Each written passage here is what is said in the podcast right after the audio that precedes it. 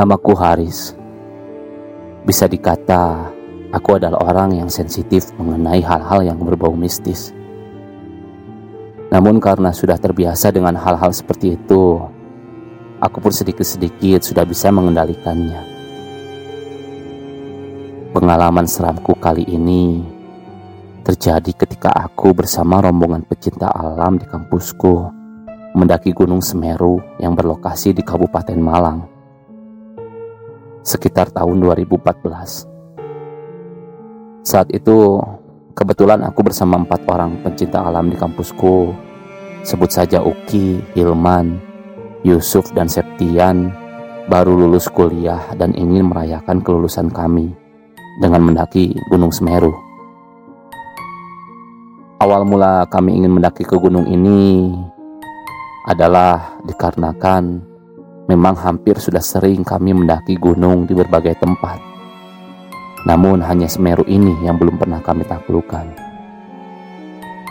Selain lokasinya yang jauh dari tempat kami, juga untuk menuju ke gunung ini tentu harus memiliki dana dan fisik yang sangat kuat.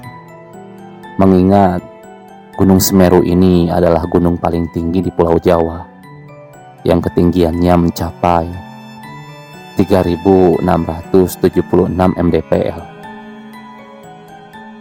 Setelah mempersiapkan fisik dan perlengkapan yang dibutuhkan, akhirnya kami berlima berangkat menggunakan kereta api dari stasiun Bandung sekitar pukul 4 sore menuju stasiun Malang. Singkat cerita, berangkatlah kereta tersebut melewati berbagai kota-kota yang dilalui. Saking panjangnya perjalanan saat itu, kami pun akhirnya tertidur di perjalanan. Hingga sekitar pukul 10 malam, Sampailah kereta yang kami tumpangi di salah satu stasiun yang berada di wilayah Jawa Tengah. Saat itu aku pun terbangun dengan mata yang sedikit mengantuk. Aku lihat teman-temanku masih pada tidur dengan sangat pulas. Aku yang saat itu duduk di dekat kaca jendela dan hendak akan melanjutkan tidur, tiba-tiba melihat ke salah satu tempat duduk yang berada di stasiun tersebut dan keadaan sangat sepi. Di tempat duduk tersebut, aku melihat seorang perempuan dengan pakaian yang lusuh dan rambut acak-acakan. Awalnya aku melihatnya kasihan, karena aku menyangka itu pengemis. Namun saat itu aku sangat kaget ketika secara tiba-tiba perempuan tersebut melihat menatapku dengan wajah pucat dan tersenyum ke arahku. Dan yang lebih mengagetkan lagi, tiba-tiba ia melayang meninggalkan tempat duduk itu. Aku yang saat itu sedang ngantuk, tiba-tiba malah menjadi takut dengan kejadian yang kualami itu. Syukurnya tidak lama dari situ, kereta itu pun mulai melaju dan meninggalkan stasiun itu. Lalu kejadian yang kedua di kereta itu saat itu aku ingin buang air kecil ke toilet. Lalu aku pergi ke toilet yang berada di kereta api tersebut. Sesampainya di pintu toilet dan hendak mendorong pintu, tiba-tiba dari dalam toilet ada yang menahan dan diiringi dengan suara perempuan bilang, "Tunggu sebentar." "Oh, ya Mbak, maaf, maaf," jawabku saat itu. Tanpa ada kecurigaan apa pun, Aku berdiam di dekat pintu toilet dengan maksud menunggu perempuan tersebut sampai keluar toilet. Namun lama sekali aku menunggu perempuan di dalam toilet itu tidak keluar-keluar juga. Padahal saat itu aku sudah tidak tahan lagi ingin buang air kecil. Tapi secara tiba-tiba pintu toilet itu terbuka dengan sendirinya karena gerakan kereta yang bergoyang-goyang. Namun yang anehnya, di dalam toilet tersebut ternyata kosong dan tidak ada siapa-siapa. Spontan aku langsung kembali ke tempat dudukku dan terdiam sejenak dengan perasaan yang tidak menyangka akan hal tersebut. Karena takutnya ke toilet, akhirnya aku meminta Uki untuk mengantarkanku ke toilet gerbong lainnya. Singkat cerita, sampailah kami di stasiun Malang sekitar pukul setengah sepuluh pagi. Dari situ kami nyarter angkot untuk menuju Pasar Tumpang. Jarak dari stasiun menuju Pasar Tumpang kurang lebih membutuhkan waktu sekitar satu jam. Lalu sesampainya di Pasar Tumpang, kami lanjut mencari jeep terbuka untuk menuju Ranupani. Setelah negosiasi dengan pemilik jeep, kami pun melanjutkan perjalanan menuju Ranupani. Jarak tempuh menuju Ranupani sekitar dua jam dari Pasar Tumpang. Sejujurnya perizinan mendaki ke Gunung Semeru sangat rumit. Di tengah perjalanan, kita harus mengurus perizinan di Taman Nasional. Lalu sampai base camp, harus mengurus perizinan dan persyaratan juga. Namun saat itu kami yakin semua kerumitan ini bakal terbayar dengan keindahan samudra di atas awan Mahameru. Singkat cerita, sampai di base camp sekitar satu jaman. Kami pun beristirahat beberapa jam karena perjalanan dari Bandung rasanya sangat menguras tenaga.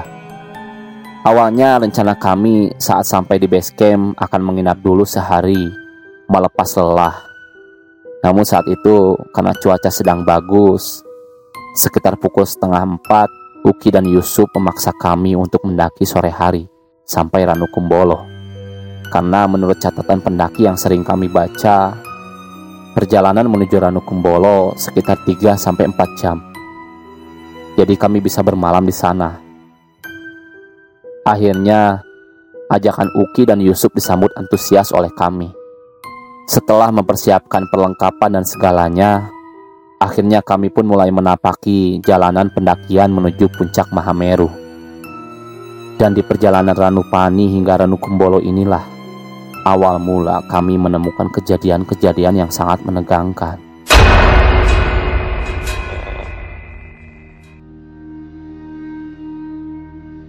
Untuk menuju Ranukumbolo, kita harus melewati empat pos Pos 1 hingga pos 2 terhitung pendek. Namun lepas jalur pos 2 ke pos 3, jalurnya cukup panjang, juga naik turun. Saat itu udara sudah semakin dingin dan gelap. Sekitar setengah enam kurang aku lihat jam tanganku. Di perjalanan menuju pos 2, tiba-tiba Hilman yang berjalan paling depan berteriak. Woi, itu apaan yang hitam di jalan? Saat itu, kami pun berfokus pada satu benda yang tergeletak di jalur pendakian. Setelah kami dekati, ternyata benda hitam itu adalah monyet yang berukuran cukup besar. Kami mengira monyet itu masih hidup. Namun setelah kami periksa, ternyata itu adalah bangkai monyet.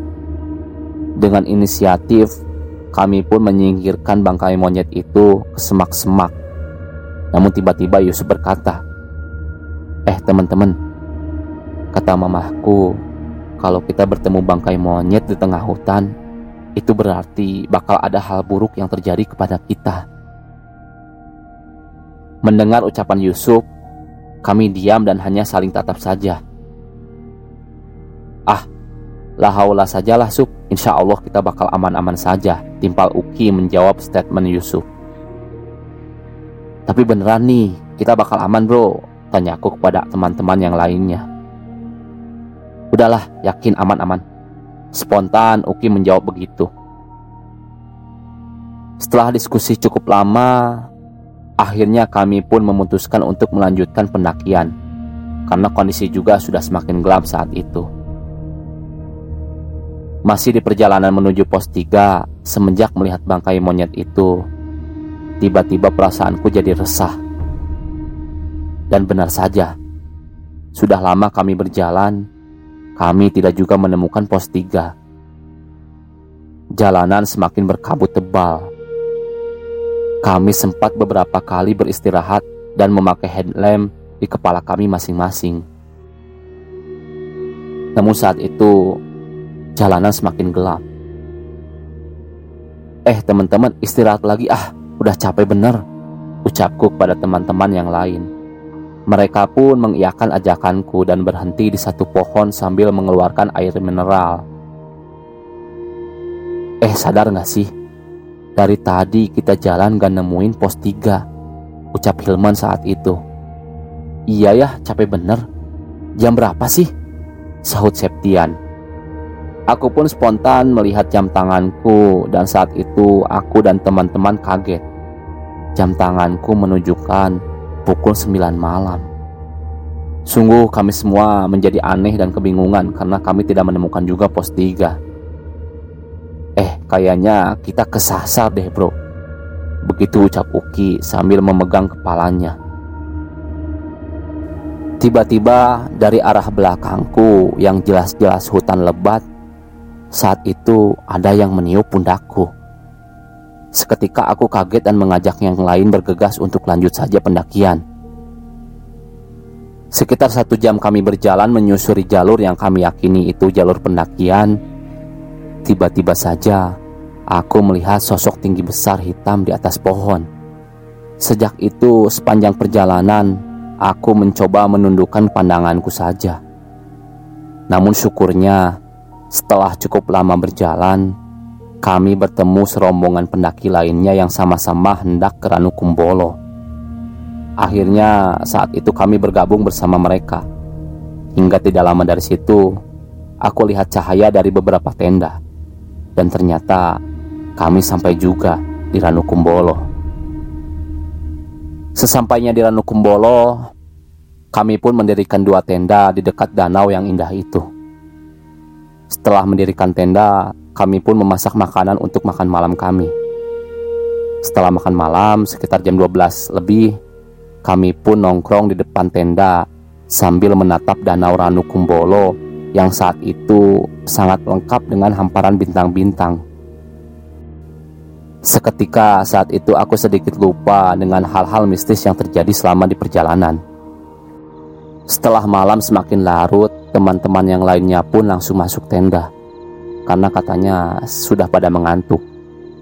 Tinggal aku dan Hilman yang masih nongkrong sambil menghabiskan sisa kopi kami. Ngalor ngidul aku dan Hilman bercerita berbagai kisah, mulai dari percintaan sampai rencana setelah lulus kuliah. Hingga tiba-tiba aku mendengar suara seruling yang sangat merdu saat itu. Eh man, kamu dengar gak suara suling? Ucapku pada Hilman. Aku lihat Hilman langsung terdiam seperti sedang mempertajam pendengarannya. Iya ya, aneh sekali. Masa iya ada suara seruling di tengah pendakian? Biasanya kan musik gitar gitu, sahut Hilman. Suara itu semakin jelas saja. Karena penasaran, aku dan Hilman pun berdiri dan melihat-lihat ke sekitaran tenda yang berada di sana. Namun saat itu tenda-tenda yang lain pun sudah cukup sepi. Dari dekat sebuah tenda yang jaraknya cukup jauh dari kami, aku melihat tiga sosok berbalut kain berdiri di dekat tenda tersebut. Aku yang penasaran mengajak Hilman untuk melihat lebih dekat. Setelah cukup dekat, ternyata tiga sosok itu adalah pocong. Spontan aku dan Hilman pun berlari dan langsung masuk ke dalam tenda.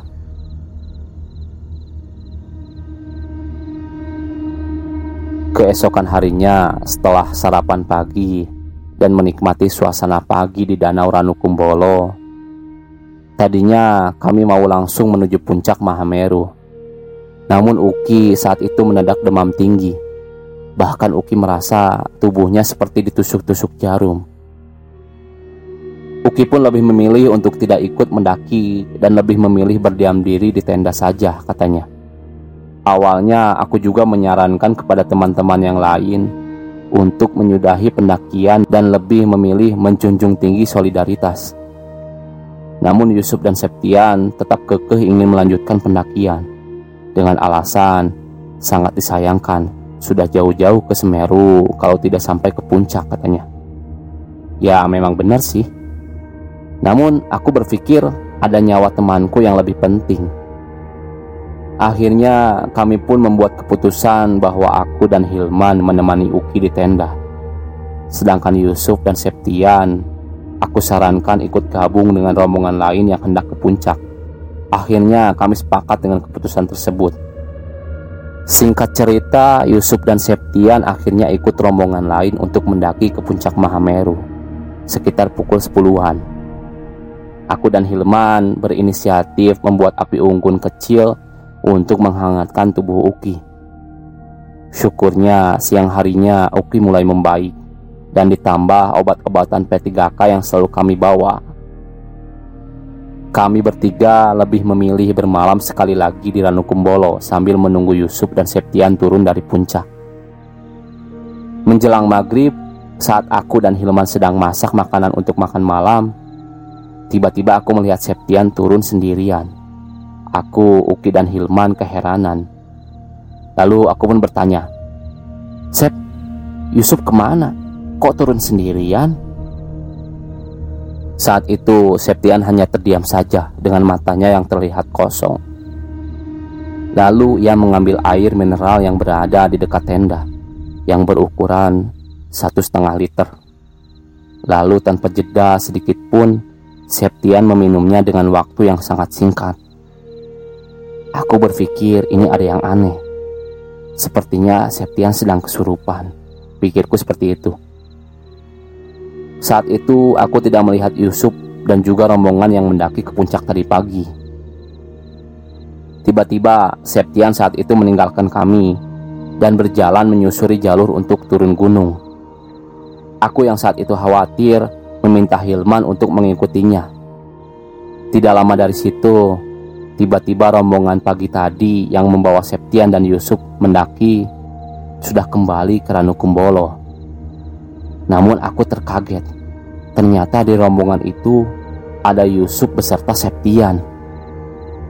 Aku dan Uki mulai sedikit panik karena khawatir dengan Hilman yang tadi mengikuti sosok yang berwujud Septian. Hei Septian, kamu kok di sini? Bukannya tadi kamu pergi ke sana? Ucapku kepada Septian sambil menunjuk jalan setapak menuju pos 4. Apaan sih? Gak ngerti, Riz? Tuh, tadi ada salam dari puncak Mahameru. Jawab Septian dengan wajah yang masih berseri-seri. Mungkin karena senang bisa sampai puncak Mahameru. Eh, dengerin dulu deh. Tadi ada sosok kamu datang ke sini. Malahan ngabisin air minum sebotol gede. Lalu pergi ke sana, ke arah pos 4. Malahan diikuti sama Hilman tuh. Kata Uki yang saat itu sama panik juga. Seketika Yusuf dan Septian kaget mendengarkan penjelasan Uki. Serius, gue dari tadi sama Yusuf dan rombongan lain kok. Ini baru datang. Gak mungkin gue sendirian juga turun kan? Kata Septian sedikit memperjelas ucapannya. Setelah perbincangan itu, akhirnya kami pun memutuskan bergegas mencari Hilman bersama-sama dengan bantuan beberapa rombongan yang berkemah di Ranu Kumbolo. Saat itu sekitar 15 orang mencari Hilman yang hilang mengikuti sosok yang berwujud Septian. Sekitar setengah jam dari Ranukumbolo, kami pun akhirnya menemukan Septian dengan keadaan sedang memeluk sebuah pohon. Sambil berkata-kata, Kamu cantik bener deh, kamu seksi. Kami pun spontan menarik Septian dan menyadarkan Septian. Akhirnya dengan bantuan salah satu relawan yang sepertinya mengerti dengan hal-hal mistis, Septian pun mulai pingsan. Akhirnya kami pun membawa Septian ke tenda di Ranukumbolo. Singkat cerita, akhirnya Hilman pun tersadar dan bercerita kepada kami bahwa tadi ketika mengikuti Septian, tiba-tiba Hilman melihat sosok perempuan cantik di dalam hutan, memanggil-manggil namanya. Lalu katanya di sana wanita itu merayu-rayu dirinya hingga tahu-tahu sudah berada di tenda dalam keadaan pingsan. Syukur alhamdulillah lah, yang penting kamu bisa selamat dan gak tersesat, ucapku kepada Hilman. Akhirnya setelah cukup lama bercerita, kami pun langsung tidur dengan berharap segera menemukan pagi. Karena jujur saja, malam terakhir di Ranu Kumbolo Aku sering sekali mendengar suara perempuan meminta tolong, dan ketika keluar, ternyata tidak ada siapa-siapa. Akhirnya aku pun menghiraukan suara-suara itu karena aku yakin itu bukan suara perempuan dari kalangan manusia, melainkan hantu. Keesokan harinya, setelah keadaan mulai membaik, selesai sarapan, kami pun memutuskan untuk turun menuju base camp. Syukurnya di jalan menuju base camp, kami tidak mengalami lagi kejadian yang menyeramkan. Semoga bagi para pendaki dan pencinta alam selalu berhati-hati ketika mendaki dan selalu menjadikan doa sebagai senjata paling ampuh untuk melindungi diri kalian.